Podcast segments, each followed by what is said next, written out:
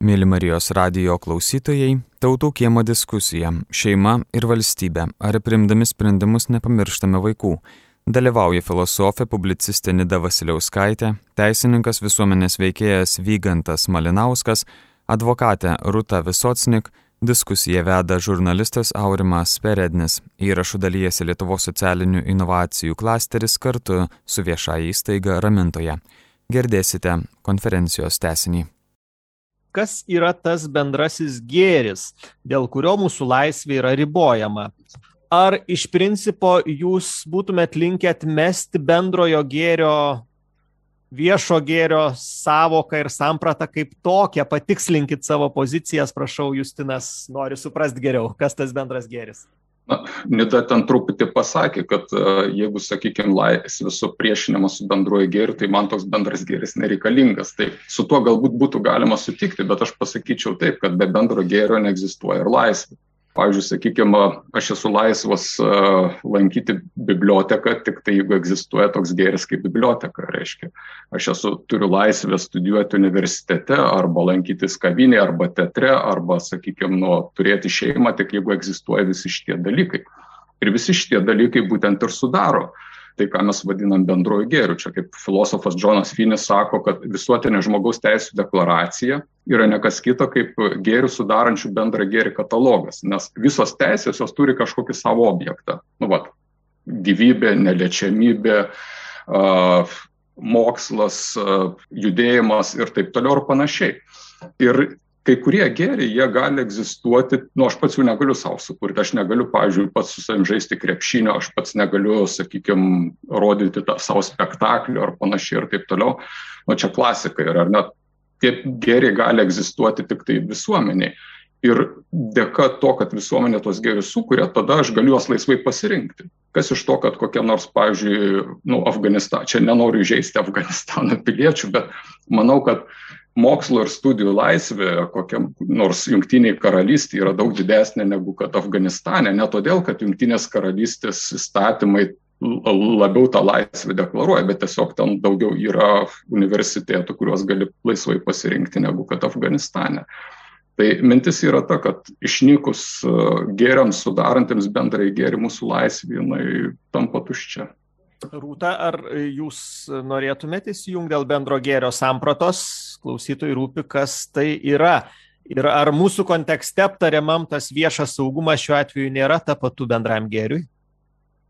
Gal aš vyganto poziciją, sakykime, kažkaip koreguočiau e, tą prasme, kad e, mums reikėtų atskirti bendro nauda, apie tai, vat, ką kalbėjo Vytigantas, sakykime, biblioteka, universitetas ir panašiai, tai galbūt tiktų toks, toks žodis kaip bendro nauda, tai yra tie bendrieji dalykai, bendro infrastruktūra, kurią naudojasi, na, saky, su aiškus tam tikrom sąlygom ir vėlgi apribojimas ir taip toliau, bet iš esmės naudojasi plačioji visuomenė. Uh, o bendrasis gėris galbūt yra platesnis dalykas negu tie vat, naudojami, e, naudojama infrastruktūra ir ta bendruonauda.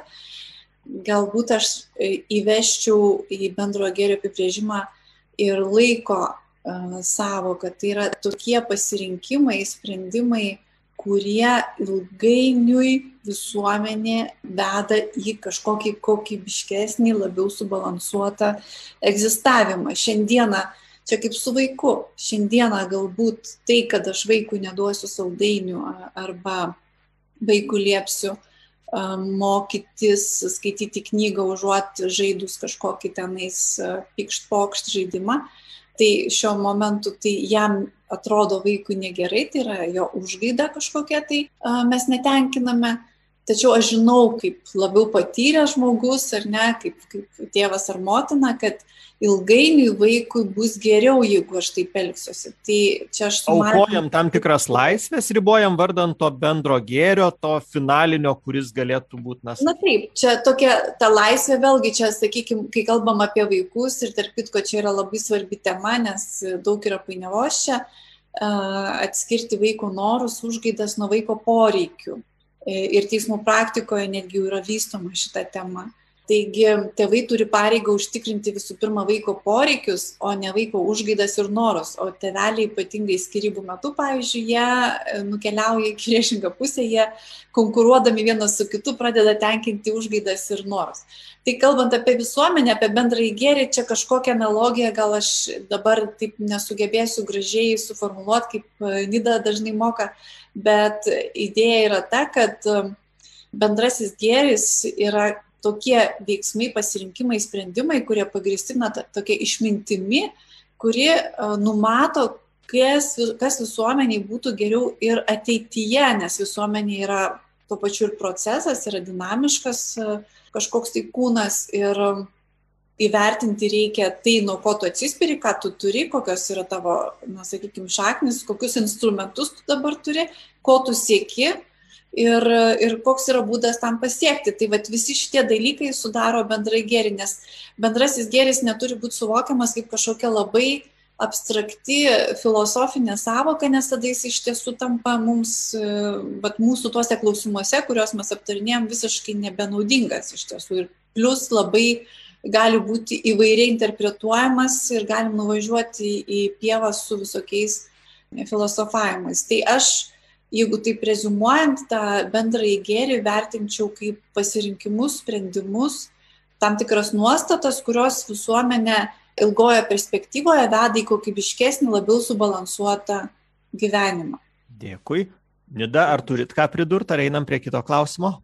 Taip, čia sakyčiau yra simptomiška, kad mes labai greitai ir nejučia nuo klausimo apie individuo laisvę ir bendrą įgėrį, tada perinam prie klausimo apie santykius su vaikais ir, ir suaugusiais, kad taip neturėtų būti, nes, nes, nes yra būtent toji rizika, kuri vadovaujasi ir ta kontrolė plečianti mašinerija, kad, kad piliečiai yra infantilūs ir su jais reikia elgtis taip, kaip, kaip mamai ir tėčiui su vaikais. Būtent taip nereikia, čia politinis pavojus. Dabar bendrasis gėris, na šiaip vėlgi, jis, kai įsimamas priešinti asmens laisvę ir atsiranda kalbos, ką čia reikėtų ar nereikėtų aukoti, iš karto turėtų būti na, tam tikras alarmas įsijungti, nes ne, bendras gėris nėra tai, kas priešinama asmens laisvė. Bendras gėris tai, na, tradiciškai tuo vadinama dalykai, kurie sukūriami socialiai visuomenės, ne, ne, ne individuo privatybėje, pagaminami socialiai ir socialiai naudojami, tarkime, bendri keliai, kažkokia infrastruktūra, miestas yra va, toks bendras gėris kaip toks. Bet pirmiausia, bendras gėris yra konstitucinės laisvės, kurios yra būtent individuo laisvės ir nėra jokio, negali būti jokio bendro gėrio pasaulyje, kuriame kiekvienas atskiras žmogus nėra pripažįstamas laisvų, racionalių, galinčius pats savarankiškai pačiam spręsti, kas jam naudinga, reikalinga ir pasirinkti subjektus. Niekaip tuo metu jo bendrasis gėris būtų toks gėris, kaip na, kažko, kas jau nėra žmonės, fermos gyventojai turi, turi bendrą gėrį. Na, kad aš konkretų tokį klausimą, Nida, dar jums užduosiu, kad dar aiškiau mes galėtum suprasti, tai yra bendras geris ar ne.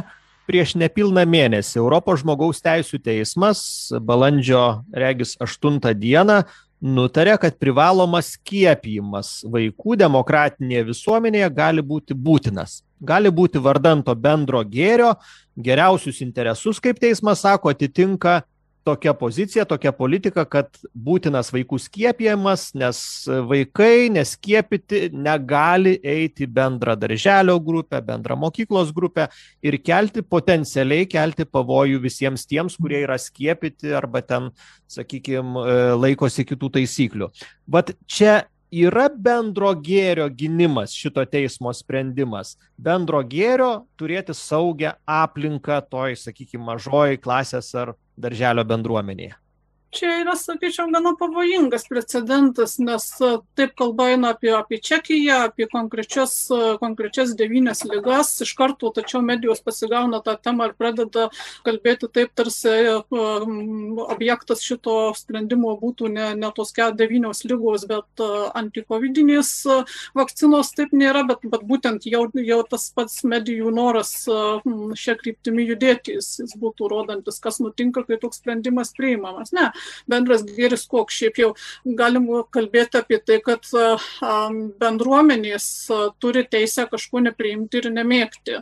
Tai plaukia iš tų pačių asmens ir individų teisų, bendrai jie turi jas atskiras asmo, jis turi ir, ir asmenų kolektyvas. Pavyzdžiui, kažko, tam tikri tėvai nenori savo vaikų leisti į, į tokią aplinką, kur na, kažkas neskiepytas, jie turi tokią teisę, bet jeigu jie turi šią teisę, turi šią teisę ir na, tie kiti tėvai auklėti vaikus pagal savo įsitikinimus, kokie jie bebūtų, tai čia yra būtent tokių teisų susikirtimas. Šiaip, kada valstybė įstoja tarsi ginti individuo teisų nuo, to, nuo kitų individų, ta prasme, kad štai tarsi niekas negali manęs nemėgti, negali manęs kažkokią parduotuvį neaptarnauti, negali kažkokie žmonės nenorėti su manim draugauti, tai esą to objektas yra laisvė individu. Ne, priešingai tai reiškia, kad, kad jie prisidengiama, bet atimama iš visų laisvės kažko nemėgtų, tuo pačiu ir kažką mėgti. Šiaip turėtų būti um, savaime suprantama, kad uh, taip gali kažkas, tarkime, nepriimti uh, žmonių, kitais, kitais atžvilgiais galbūt nieko dėtų ir yra labai gerų į savo aplinką, lygiai taip pat jie gali susiorganizuoti ir daryti tą patį. Kažkas gali nenorėti būti kartu su antivakseriais, kažkas gali nenorėti būti kartu su vakseriais. Tai turėtų būti elementaru. Patricija mums rašo, diskusijose dėl vienos lyties partnerių galimybės įsivaikinti vaikus dažnai iškyla toks argumentas, cituoju, geriau aukti homoseksualų šeimoje negu tradicinėje, kur geriama ir mušama vaikai neprižiūrėti. Kiek tai legitimus argumentas jūsų nuomonė? Kas padėtų Patricijai lūkštenti štai jai tokį kilusi klausimą? Drąsiai, matau, Nida visais klausimais turi nuomonę, prašau, pradėkit na, nelegitimus, jeigu jis taip suformuluojamas, nes čia sukūriama tokia fiktyvi perskyra ar fiktyvi dichotomija, kad arba, arba gėjų šeima, arba tradicinė, kurioje alkoholizmas.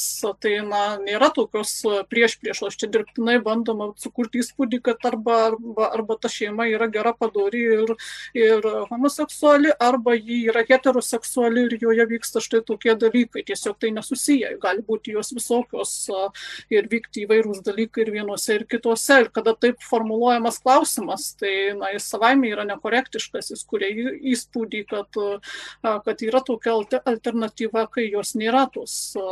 Viso čia būtų klausimas, o kas ta tradicinė šeima, nes tradicinė šeima tai turbūt tas su 12 vaikų ir nedirbančia mama, tai tokių šeimų iš vis Lietuvoje yra labai mažai, tai nėra tradicinė šeima šiandien, bet, bet kai vartojama tokia. O kas turėtų tuos vaiko interesus nustatyti? Aš suprantu, kad vaikas e, bent jau iš, iš jūsų tikrai klausant nėra kažkoks, na, valstybės nuosavybė, šeimos galbūt kažkiek, nu, vat vaiko interesų požiūrių. Na, pats vaikas, jis turbūt nuspręsti vėlgi ten penkių, aštuonių ar dešimt metų vaikas ar, ar turi tokią teisę ir tokią laisvę, net nežinau, spręsti, ką, ką jis nori paskaukt, kaip aukt, galbūt, nežinau, bet kas būtų tas sprendėjas, kuris turėtų galutinai nuspręsti, kas vaikui yra geriausia. Nes mes girdim valstybę, kuris sako, vaikui geriausia aukti tokioj tokioj aplinkoje. Vat dėl to, kad ten kriterijų bazė, 20 kriterijų labiausiai e, atitinka. Ten šeimoje kažkas negerai su tuo, kažkas negerai su tuo, vadinasi, vaikas turi būti iškeltas. Bet vis dėlto, na, tada sakom ne. Kodėl valstybė čia kišasi ir, ir e, savo didelę ranką nusprendžia, ką daryti šeimai? Galbūt turėtų šeima pati nuspręsti, bet ta šeima vėl, kiek ji gali pajėgi ir brandi nuspręsti, jeigu jinai yra, nežinau, asociali, e, mušanti netgi gal savo vaikus. Tai vad vis dėlto, kas turėtų priimti sprendimą tokiais atvejais dėl to, kas yra vaiko interesas? Čia būtent priklauso nuo konkrečių atvejų, nuo konkrečios situacijos ir pirmiausia yra labai sunku suformuoluoti kažkokį bendrą sprendimą. Vaikas nėra valstybės nusavybė, vaikas nėra ir šeimos nusavybė, vaikas yra žmogus. Taip bet nuo riboto, ribotos gebos spręsti, pavadinkime, taip irgi tam tikrais atvejais vaikai skirtingi ir to paties amžiaus jie yra skirtingi. Kartais jis galbūt gali kompetentingai spręsti, su kuo jam geriau būti ir, ir su kuo jis nori ar ne, to, tokiais atvejais turėtų būti atsižvelgiama, bet vaikais taip pat lengva manipuliuoti, bet suaugusiais taip pat lengva kartais manipuliuoti. Na, tiesiog čia turėtų būti tada tais atvejais, kai galima nesikišti, nesikišama, o kai jau atsiranda rimtas pagrindas manyti, kad, kad kažkaip reikia tos išorinės sisteminės intervencijos, tai tada tirti konkrečiai, kas vyko, kas tiksliai, kaip, kaip tą įmanoma nustatyti ir tada, tada būtent reikėtų viso specialaus proceso, kuris aišku. Rūta turi patirties. Vis dėlto, kas turėtų nuspręsti, kaip geriausiai vaikui? Ir kaip nuspręsti? Gal aš pradėsiu nuo to, kokią mes sistemą esam susikūrę dabar. Tai na, įvairiose situacijose, kai iškyla vaiko intereso klausimas, man, pas mus dalyvauja teisėjas, teisėja, vaiko teisų apsaugos institucijos atstovas, na, dar ten išimtiniais atvejais yra ir psichologai. Ir... O šei, šeima nedalyvauja sprendžiant, pati šeima jau kaip ir ne? Žinote, tai va čia e, mes turime tokią iškreiptą situaciją, kad vos tik įvykus kažkokiai situacijai, kuomet įsikiša į šeimos gyvenimą kažkuri tai iš tų institucijų, iš karto yra tiesiog nubraukiamas, ištrinamas faktas, kad šeima galėtų suvokti savo vaiko interesus. Tiesiog atsiranda... praranda sprendimo galę šeima tuo atveju. Ir sprendimo gali ir tiesiog netgi šeimos na, pozicija, nuomonė, norai, poreikiai susiję su vaiku yra nustumiami į šoną, kadangi atsiranda mes, tai yra aparatas valstybinis, susidedantis iš mano visokių minėtų institucijų ir pareigų, ir jie, tai yra tėvai, kurie kaip ir e, Nida teisingai sakė, kad e, na, laikomi, nėra kredito, nėra pasitikėjimo, jie a priori jau yra kažko nusikaltę. Nes e, čia gal reikėtų įvertinti tai, kad Lietuvoje mūsų teisės sistemoje apskritai nekaltumo prezumcija plačiaja prasme, aš dabar nekalbu vien tik apie klasikinės baudžiamasias bylas, bet apskritai žmogaus nekaltumo prezumcija jinai negalioja, nėra jos, realybėje jos nėra. Žmogus vos tik peržengęs lengsti bent kokios institucijos, a priori jau yra kažkuo nusikaltęs. Štai yra toks požiūris. Įvykus kažkokiam tai incidentui, žmogus a priori jau yra kaltas ir jisai visada yra besiteisinančio, besiginančio pozicijoje. Tai taip ir su šeimom yra, su vaiko interesais. Tėvai staiga laikomi nebepajėgiais nei suvokti, nei ištransliuoti vaiko intereso, jeigu jie ir kažką bando daryti, tai e, jų yra neklausoma. Nes. Supratau, tai jūs palėtėt, kaip situacija yra realybėje. O Taip. kaip rūta turėtų būti jūsų nuomonė šitų atveju, vat, kai na, iškyla kažkokios tai situacijos susijusios su vaiko ar saugumu, ar gerovė, ar dar kažkokiu jo interesu, kaip nuspręsti, koks tas vaiko interesas, kaip turėtų būti. Žinot, brandžioj visuomeniai aš manau, kad uh, net nekiltų tokio klausimo, nes brandų žmonės yra tikrai pakankamai išmintingi, uh, kad galėtų kiekvienoje konkrečioje situacijoje suvokti, koks yra vaiko interesas ir ne tik suvokti, bet ir sugebėti jį realizuoti ar padėti jį realizuoti. Nebrandžioje visuomeniai tokia, kokia, na, iš esmės mes dabar turime, šita teisė yra perleidžiama kaip minėjau. Valstybei plačiaja prasme. Taip. taip, tai tiek realybėje, tiek, kaip jūs klausot, kaip turėtų būti. Tai jeigu jūsų klausimas yra, kaip turėtų būti pagal mūsų teisinį reguliavimą, tai vat, pagal teisinį reguliavimą taip ir yra. O jūsų Jis nuomonė, kaip turėtų būti? Aišku, yra pasakyta įstatymė tiek civilinėme kodekse, tiek vaiko teisėjų pagrindų įstatymė, tiek šeimos stiprinimo įstatymė, kad tėvai yra pirmieji asmenys, kurie turi užtikrinti vaiko interesus. Tačiau tai yra tik teorija, nes realybėje yra šeimų, yra tėvų, kurie na, tiesiog nėra pajėgus tą funkciją tinkamai atlikti. Bet čia nebausti reikia ir nekištis į šeimos gyvenimą grubiausių būdų, o užsimti edukaciją, ūkdymu ir, ir taip toliau. Na čia vėlgi atskira didelė tema. Vygantai, jūs aš dar įtraukčiau tam meilės trikampyje - valstybė, tėvai, šeima ir ypač kai tas meilės trikampis, kiek įtampų jame kyla, kaip tada, na, sakykime, priimti geriausius sprendimus vaikui. Aš manau, čia pirmiausiai gal toks. Uh, Jeigu sutarėm, kad vaikas nei valstybės nuosavybė, nei, nei šeimos, jis yra savo nuosavybė jis, jis yra, kaip pasakyti, vaikas, bet jisai yra, kaip Aristotelis sakė, socialinis gyvūnas. Jis negali tapti žmogumi pats vienas, ne, jis nėra savo pakankamas, tai jam reikalinga ir šeima, jam reikalinga ir visuomenė. E, bet manau, kad kai keliamas šitas klausimas, kas nuspręs, kas yra vaiko geriausi interesai, daroma pan, panaši, na, tokia, nežinau, metodinė, loginė klaida kaip ir su bendruoju gėriu. Va, labai dažnai klauso, tai kas nuspręs, kas yra bendrasis gėris. Tačiau reikalas yra tas, kad nei bendrojo gėrio atveju, nei vaiko, taip vadinamų geriausių interesų, čia ta savoka geriausi interesai, kabutės reikia dėti, e, reiškia, niekas nenusprendžia arba nenustato. Bet klausimas yra, ką mes turim protingą priežastį laikyti bendruoju gėriu arba, arba nu, tai, kas yra vaikui iš tikrųjų geras, sakykim taip. Nes pati interesų savoka, jinai žymė tokį visišką subjektivumą. Nu, kiekvienas žmogus gali turėti labai skirtingus interesus, vaikas irgi turi savo interesus, kurie nu, am, amžiai bėgant skiriasi. Ir čia man ta mintis būtų ta žodis, kurį Rūta pasakė. Čia yra daugiau suvokimo dalykas. Sakykime, na, vat, matom situaciją ir turėdami tą bendražmogišką patirtį, nes patys buvom vaikai ir nu, vis tiek suprantam, kaip pasakyti, nu, protauti galim, mes turim gerą, protingą priežastį nu, laikyti, kad tam tikri dalykai, tam tikri gėriai yra vaikui svarbus. Ir problema yra, aš manau, su, su vaikais ir nu, bendrai su mūsų visuomenė ir su bendroju gėriu, kad tai, kas yra bendrasis gėris arba tai, kas yra taip vadinami geriausi vaiko interesai, dažnai užima jų vietą tam tikros ideologijos, kurios nuo tokį turi idėją fix, kaip reikėtų. Ir tada viskas yra, sakykime, nu, vat, uždedama ta bendrojo gėrio etiketė, bet iš tikrųjų yra, nu, vat, atsidurėme situacijoje, kurią Chestertonas jisai įvardijo kaip išprotėjusių darybių situaciją. Kaip, pavyzdžiui, sakykime, nu, yra įvairios darybės, yra meilė ir teisingumas, bet kas nors sako, žinot, nuo šiandien svarbiausia yra meilė, mums teisingumas, kaip pasakyti, nebesvarbu. Ir jis iš tos didelės meilės padarė daugiau žalos, kaip čia Strotnas sakė, negu kad padarytų, jeigu jis būtų įdas kažkokias, sakykime, savo praktikavęs. Tai čia yra ir su tais vaiko geriausiais interesais. Man atrodo, problema yra ta, kad valstybė būtent e, elgesi dažnai kaip ta išprotėjusių darybių teta, kuri nebemato, kad yra ir daugiau gėrių vaikui, ne tik tie, kuriuos, vat, sakykime, jinai laiko svarbi. Nida, jūs kėlėt ranką, prašau.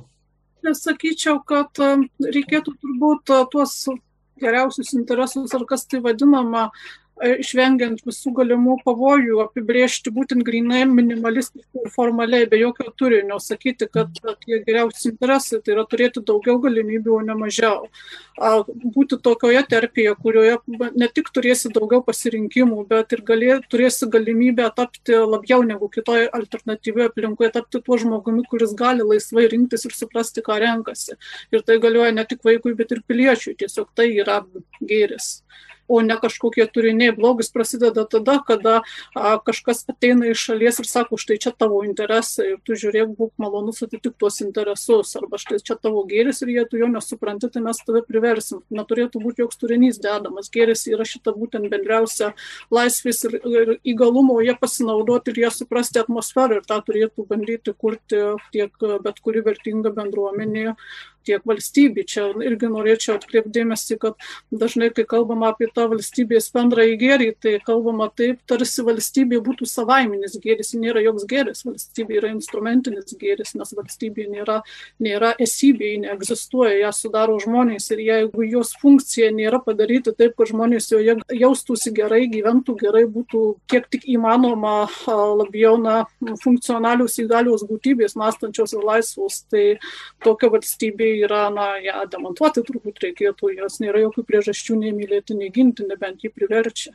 Kas ten iš filosofų klasikų svajojo, kad tobuliausia, jeigu tie valstybės valdytojai, nes ką jūs sakote, tikra tiesa, valstybė, na, neegzistuoja, jie egzistuoja tam tikros, nežinau, konkrečių žmonių, konkrečių valdžios atstovų pavydalu, tai kažkas iš antikosgi sakė tobuliausia kad tie žmonės būtų aukščiausių dorybių žmonės sąžiningiausi doriausi kilniausi tada valstybei yra garantuota garantuota laimė ir sėkmė. Bet aš noriu vieną dar probleminį klausimą paliest laiko ne tiek daug o jis yra svarbus ir aktualus nes e, liečia dabartines aktualijas. Partnerystės įstatymas e, jau yra e, pasirodę versijos šito įstatymo, dar aišku nebaigtinis, bet iš esmės kuriamas institutas, kuris leistų ne šeimai, ne vyrui ir moteriai, bet vienos lyties žmonėms sudaryti partnerystę. Na ir aišku, e, ištakos šito įstatymo viena pusė sako, kad to reikia, nes štai pusė milijono žmonių, kurie gyvena vieni Lietuvoje ir galbūt jie negali šiandien, nežinau, kurti santykių turtinių, sveikatos informacija keistis, paveldimumo reikalų, daug praktinių problemų tiesiog kyla, kad žmonės nesusituokia, negali kažkokio bendro gyvenimo, bendro gyvenimo ūkio vesti. Ir tai yra užsakymas iš tikrai didelės visuomenės dalies. Ten gal ne pusę milijono, gal kelių šimtų tūkstančių, kuriems šeima jau na, nėra patraukli kaip institutas ir jie nori va štai tokio. Kita pusė sako, ne, žiūrėkit, palaukit, palaukit, pasižiūrėkit į mūsų tradicijas, pasižiūrėkit į mūsų visuomenės nuostatas, kur, na, žmonės yra gana konservatyvūs ir visa tai, kas vyksta, kelia didžiulį pavojų šeimai, nes šeima dar labiau nyks, šeimos institutas dar labiau silps, čia susikurs kažkokių alternatyvių institutų, E, vygantai nuo jūsų pradėkim. Vis dėlto tai kelia pavojų šeimai, tai nekelia pavojų. Jūs kaip žiūrėtumėte į partnerystės institutą ir jo įteisinimą Lietuvoje? Čia bandant atsakyti šitą klausimą, gal pirmiausia reikėtų pradėti nuo to, nu, yra svarbi perskira tarp laisvės ir teisės. Mes čia dažniau kalbėjom apie laisvės, kartais paminėdom teisės. Uh, bet iš tiesų e, šitie dalykai yra skirtingi. Neatsitiktinai mūsų konstitucija sako, kad žmogaus teisės ir laisvės yra prigimtinės arba Europos žmogaus teisės ir pagrindinių laisvių konvencija, nes tai nėra visai sinonimai. Tai e, šitoj vietoj reiktų atskirti, kad pirmiausia, kai yra sakoma, kad čia negali būti kartu, negali vesti bendro ūkio, negali kartu gyventi ar mylėti, tai iš tikrųjų yra netiesa laisvoj Lietuvoje nieks man nedraudžia gyventi su kuo noriu, mylėti, ką noriu, netgi nedraudžia vadinti šeimą, ką aš noriu. Aš galiu čia dabar vat, Facebook'o paskyroje bet ką, sakykime, pavadinti šeima ir sakyti, kad tai yra tokia mano šeimos samprata. Kitaip tariant, tai yra mano laisvė. E, teisė iš kitos pusės yra tada, kai aš galiu iš kito reikalauti, kad jisai tenkintų kažkokį mano reikalavimą. Ir e, aš turiu tik tiek teisų, kiek mano teisės kažkam užkrauna pareigų. Bet čia tada prasideda kita problema, kad e, kuo aš turiu daugiau pareigų, kurias užkrauna kažkieno teisės, tuo aš turiu daug mažiau laisvės. Kitaip tariant, negalima vienu metu visuomeniai padidinti ir teisų ir laisvių kiekį, tu turi apsispręsti. Ir šitoje vietoje tada prieinant prie to, kad aš manau, kad vėlgi reikia skirti du dalykus, kad yra klausimai susijęs su tai, kad žmonės gali gyventi laisvai tai, kaip jie nori, turėti kokį nori privatų gyvenimą. Ir klausimai yra, kuriems iš jų turėtų būti suteikiamas teisinis statusas, kuris sukurtų pareigas tiek likusiam visuomenės nariam, tiek, sakykime, valstybės institucijom. Ir čia šitoje vietoje tada tas klausimas, kokį pavojų kelia ar panašiai, tai čia gal kelia pavojų tokį, kokis, kokį nu, panašiai būtų analogija, gal tokia, sakykime, o kas atsitiktų, jeigu pas mus valstybėje uh, viduriniam ir profesiniam mokyklom būtų suteiktas universiteto statusas. Kokį pavojų tai keltų universitetam? Tarkim, pat tu baigiai vidurinę mokyklą ir gauni universiteto diplomą, baigiai profesinę technikos mokyklą, gauni universiteto diplomą. Aišku, pati universiteto samprata pasikeistų. Pasikeistų pati universiteto samprata, jis nebebūtų siejamas tik su aukštosiam studijom, tai būtų tik tai taptų kažkuo kitu. Ir, ir to pasiekmė jisai, sakykime, nebegalėtų na, valstybėje funkcionuoti kaip tai, ką reikia, sakykime, palaikyti arba remti, kas yra nu, svarbu mūsų bendrajam gėriui, grįžtant prie bendro gėrio. Kitaip tariant, ne kiekviena bendro gyvenimo forma, jinai vienodą indėlį bendrajam gėriui įneša, sakykime. Yra bendros gyvenimo formos, kurios tenkina privatų interesą, yra bendros gyvenimo formos, tos, kurios būtinos tam, kad nuo mūsų visuomenė galėtų išlikti, egzistuoti, atsinaujinti. Ir čia aš manyčiau, kad yra teisingumo klausimas. Nėra teisinga skirtingus dalykus, kurie, sakykime, yra nevienodai svarbus ir skirtingi bendrajam gėriui traktuoti vienodai, kaip mes nevienodai traktuojam, sakykime, vidurinės mokyklos ir universitetų jeigu na, tai liečia dalį mūsų visuomenės narių, jeigu jie geriau jausis, ar tai nebus viešas bendras gėris? Tikrai bendras gėris nėra, kaip aš jaučiuosi. Ir čia reaguojant į anksčiau tą mūsų diskusiją, kai Rūta pasakė, kad, nu, čia, ką, ką Vygantas sako, lyg tai čia yra kažkokios, kaip neatsimenu, tas žodis, bendra naudojimo dalykai. Tai bendras gėris nereiškia, kad visi gali jame, sakykime, nu, vienodu būdu dalyvauti. Pavyzdžiui, aukštasis mokslas yra svarbi bendro gėrio dalis, mūsų visuomenė negalėtų pilnai funkcionuoti be aukštojo mokslo, bet tai nereiškia, kad kiekvienas turi turėti teisę studijuoti universitete arba turėti studento statusą arba profesoriaus statusą. Na, Nida, su kuo, kas čia buvo pasakyta, jūs sutinkat, su kuo nesutinkat ir ką mastot apie partnerystės instituto įteisinimo pasiekmes, sakykime, šeimai, šeimos institutui, valstybei, bendram gėriui? Aš manau, kad partnerystės įstatymo reikia ir jis jokių pasiekmių, kaip nuogastaujama blogų arba jis savo neturėtų, turėtų, nebent jeigu jis eitų kartu su, su tarkime, kaip na, de facto dažnai jis ir, ir pasirodo su pastanga spausti priimti Stambulo konvenciją, atitinkamą visokį tą mikro išplėstą reguliavimą įvairių asmeninių žmogaus santykių, bet tai visiškai dirbtinai sukabintos temos. Jos nėra. Taip, bet atklyjavus, sakykime, grinai partnerystę, jūs tame pavojote pavojaus nematot jokio. Jokio pavojaus, taip privatybėje, būtent tai yra kalba apie grinai teisinę formą, žmonių santykių įteisinimą, kuris turėtų labai aiškias praktinės implikacijas, kad tarkim paveldėjimo, testamento, na,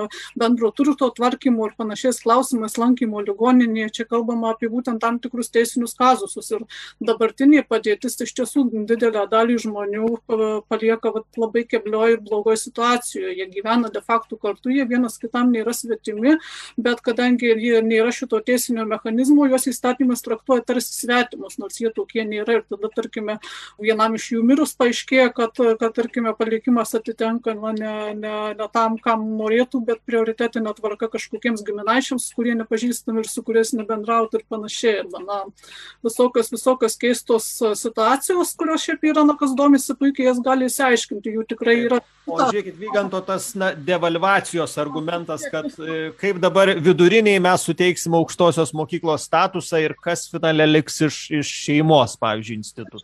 Labai keistas argumentas, aš e, nepagaunu jo logikos, ką bendro turi santykis tarp vidurinės ir universiteto, kuris beje dabar de facto, atsiprašau, bet jis jau devalvuotas iki vidurinės ir, ir grina fikcija jo reikšmė, bet taip jau yra. Bet net jei taip nebūtų, ką bendro šis, tarkime, šiuo atveju kiekybinis, hierar, kokybinis hierarchinis skirtumas, turi tarp partnerystės ir šeimos, partnerystės ir santokos. Partnerystės te, įteisinimas, na, niekaip jis nepasako, kad santoka yra kažkuo blogesnė ar geresnė, nei kad šie institutai lygiai verčia, tiesiog santoka yra santoka, partnerystė yra partnerystė. Yra keista manyti, kad kažkieno santoka dar ir bažnytinė, o ne civilinė kažkokiu būdu tampa automatiškai devalvuota dėl to, kad, kad na, kaimynai užregistravo partnerystę. Tai, tai ne... Ir niekas čia iš nieko nieko netima, kitaip sakant paprastai. Rūta, jūs gaudykit šitą karštą bulvę, kuri vadinasi partnerystės institutas ir koks jūsų požiūris į jį. Na, gal du dalykus galėčiau pasakyti iš praktikos e, savo teisinės. Tai tikrai galėčiau pasakyti, kad daugybė problemų kildavo dėl to, kad e, santykiai žmonių gyvenančių kartu, tačiau dėl įvairiausių priežasčių nenorinčių uh, ar negalinčių kurti santokos, sudaryti santokos, tikrai sukeldavo teisinės situacijas, bilinėjimusis teisme, įrodinėjimo naštą didžiulę, kai reikėdavo įrodyti, kad vedė bendrą ūkį ir taip toliau. Tai aš manau, kad... Man kai kas juokauja, sako, žinai, net sveikatos būklės į ligoninę paskambinus negaliu, nes, pavyzdžiui, šeimos nario galiu paklausti, o jeigu su partneriu gyvenu ir jam kažkas nutiko, aš jau negaliu pasiteirauti, nes tiesiog nėra to teisinio mechanizmo kaip. Na tai e, sveikatos priežiūros įstaigoje visada galima užpildyti tą dokumentą, kuriame nurodoma, kam sutinki teikti informaciją ir tai nebūtinai turi būti šeimos narys. Tačiau yra tokių situacijų, kai nėra galimybės tokio dokumento užpildyti, tada taip, tada jau atsitinka įvairiausi kazusai taip pat žmonėm gyvenant kartu ir paskui nutarus nebegyventi kartu, yra daugybė bylų, kada reikia dalintis turtą, įrodinėti, kad vedė bendrą ūkį ir taip toliau. Tai aš manau, kad mes nuimtume nemažą naštą e, nuo teismų sistemos šitoje dalyje, tai aš dėl to įstatymo toje vietoje turiu teigiamą vertinimą atsakant į klausimą, ar tai kažkaip tai um, susilpnins šeimos institutą, aš manyčiau, kad šeimos institutą labiausiai silpnina silpno šeimos. šeimos, kurios, na, nesąmoningai kūrė būtent santoką ir toliau jos nestiprina. Taip pat yra, mes turim puikų įstatymą, šeimos stiprinimo įstatymą, kuris labai gražiai kalba apie šeimos stiprinimo politiką ir instrumentus, labai gražiai kalba, kas tai yra šeima, ir panašiai, tai aš manyčiau, kad e, teisinė bazė šeimos stiprinimui yra, kad ji nėra realizuojama, čia jau yra kitas dalykas. Mes turime daugybę įstatymų, kurie yra deklaratyvūs. Tai aš nemanyčiau, kad partnerystės įstatymas atbaidys žmonės nuo šeimos kūrimo. Taip atsiras tam tikras procentas žmonių, kurie sakys, ai, ką mums e, sudaryti santuoką, mes registruojam partnerystę ir Taip mes neteksime kažkiek tai šeimų, bet um, nemanyčiau, kad tai bus esminis poveikis uh, šeimos institutui. Kad apskritai šeimos instituto silpnėjimas ne tik dėl partnerystės na, idėjos paplitimo, bet ir dėl kitų priežasčių, kad silpnina ir visuomenę, taip su to aš sutinku kad šeimos instituto silpnėjimas silpna visuomenė, aš to sutinku. Nebent pasirodys ateityje po, nežinau, 50 ar 100 metų, kad mes radome geresnės formas. O bendrai sako tendencija, kad šeimos institutas ir silpnėja ir yra silpninamas, turbūt nėra vien kažkoks specifinis Lietuvos fenomenas, tokia bendra turbūt europinė tendencija ir mes tam traukinį važiuojam, kur na, noro įsipareigoti yra mažiau. Bet vygantai, čia buvo pasakyta e, kontrargumentų į paties argumentus, ar norėtumėt sureaguoti? Gal labai trumpai, tik tai iš tiesų čia panašiai kaip ir su, vėl tas pavyzdys, prie jo galima būtų plėtoti arba ne, bet kodėl kažkam yra suteikiamas profesoriaus arba studento statusas. Nu, ne, ne, kiekvien, ne kiekvienam, kuris nori, bet todėl, kad vis tiek mes tą statusą siejam su tuo, kad tas, kaip pasakyti, asmo, jisai kažkokiu būdu nebūtinai aktualiai, bet bent potencialiai prisideda prie to, kas yra labai svarbu. Ir šeima, jinai kaip institucija iš tikrųjų prisideda na, prie mūsų visos visuomenės gėrio unikaliu būdu. Ir jinai kaip institucija, vat, kai mes kalbėjom apie tuos vadinamus geriausius vaiko interesus, yra ta, kuri atliepia geriausius vaiko interesus. Dabar, kai Rūta sako, kad turime gerą šeimos stiprinimo įstatymą ir čia bus viskas gerai, viena problema Jeigu yra įteisinama partnerystė, tai visi partneriai turės tą patį šeimos statusą. Ir tada prasidės kitas klausimas, kad tu nebegali diskriminuoti, tu nebegali sakyti, kad žinote, e, bet palaukit, čia vaikui gal geriau reikia stiprinti vat, vyro ir moters e, sąjungos pagrindų sukurtą šeimą, o ne dviejų, sakykime, draugų bendrą gyvenimą. E, visos mūsų lygių galimybių priežiūros institucijos jos iš karto išsijungs ir valstybė praras svarbę galimybę vykdyti protingą politiką, orientuotą į didesnį bendrą gėrį. Ir aš nekalbu apie tai, kad reikia valstybėje drausti bendrai gyventi žmonėms taip, kaip jie nori, čia yra jų laisvės klausimas. Klausimas yra, ar valstybė gali teikti prioritetą ir per šeimos stiprinimo įstatymą ar per kitus įstatymus, tai, kas labiau atitinka vaiko geres, geriausius interesus ir kas iš tikrųjų labiau pasitarnauja bendram gėriui. Valstybė, pavyzdžiui, sakykime, studentams e, suteikia transporto lengvatas, tai nieks to nelaiko diskriminacija, sakykime, jeigu tu nestudijuoji ir neturi tų transporto lengvatų. Ir paskutinė mintis, kuri irgi, kad, sakykime, yra daug žmonių gyvena, kurie turi praktinių problemų, tai tas skamba maždaug šitaip, kad, žinot, mes dabar gyvenam, aš nekalbu apie tos pačios lyties asmenys, nes tokių yra palyginus mažai. Dauguma, sakykime, tas skaičius, kai didesnis ar mažesnis yra patikimas, kalbama apie tos, apie nu, kartu gyvenančius vyrą ar moterį arba sugyventinius. Sako, žinot, mums čia kyla visokių problemų dėl turto, dėl paveldimo ir taip toliau, bet mes nenorime būti šeima. Bet mes norime turėti šitas teisės. Bet žiūrėkit, jeigu mums duos tokį, sakykime, tą pačią šeimą, tik pavadintą kitaip, užrašys vietoj žodžio santoka, užrašys partnerystė, tada viskas bus gerai. Tada mes nuveisim, tada mes prisimsim pareigas ir viską tą galėsim turėti. Tai čia lygiai taip pat e, panašiai būtų sakyti, kad, žinot, aš noriu įsigyti nekilnojamą turtą, bet aš nenoriu eiti pas notarą, aš norėčiau pas seniūną tą sandorį sudaryti, bet aš kaip pasakyt, ir kadangi negaliu pas seniūną sudaryti, aš turiu labai visokių problemų, bet pas notarą aš neįsiu. Taip, na, gaila, kad įdomioj gana vietoje reikia pradėti galvoti apie rezumę, bet aš įsivaizduoju, čia ir mano galva pilna klausimų, bet įtariu ir Nida verda, verda galva, Nida nori trumpai sureaguoti, ar, ar dedam tašką ir dar reaguojam į poras, porą komentarų žiūrovų. Na, tiek santuoka, tiek partnerystė yra viso labo būtent teisiniai institutai. Jie nieko nesako apie tų žmonių santykių realų pobūdį ir jų kokybę. Valstybė laimė to nematuoja ir nesprendžia. Tai todėl na, man gana keisti klausytis, kada, kada tarsi presuponuojamas kažkoks kokybinis gėris ir jo savaiminis buvimas, būtent kalbant apie tų žmonių, na, tarkim, įsipareigojimų tvirtumą, jų, jų emocinius santykius, jų prisirišimą ar, na, na ką tik tai norite, vien, vien tą kažkaip ištraukiant būtent iš formalaus statuso, kad jie yra susituokę. Tai iš tiesų yra gana keista ir aš nežinau, kuo tai galima grįsti, nebent na kažkokią asmeninę, tiesiog na, fetišizaciją to žodžio santuoką. Tai santuoką sudaryti nėra sudėtinga, žmonės nebaigia tam universitetų ir netampa profesoriais, tai niekaip su tų žmonių kažkokiais kokybiniais pasiekimais nėra susiję ir tada gana nesuprantama, kam reikia, kam reikia tai presuponuoti, o žmonės gali nenorėti dėl įvairių priežasčių tos santokos tiek dėl, tiek dėl kažkokių formalių, finansinių, teisinių, tiek galbūt dėl,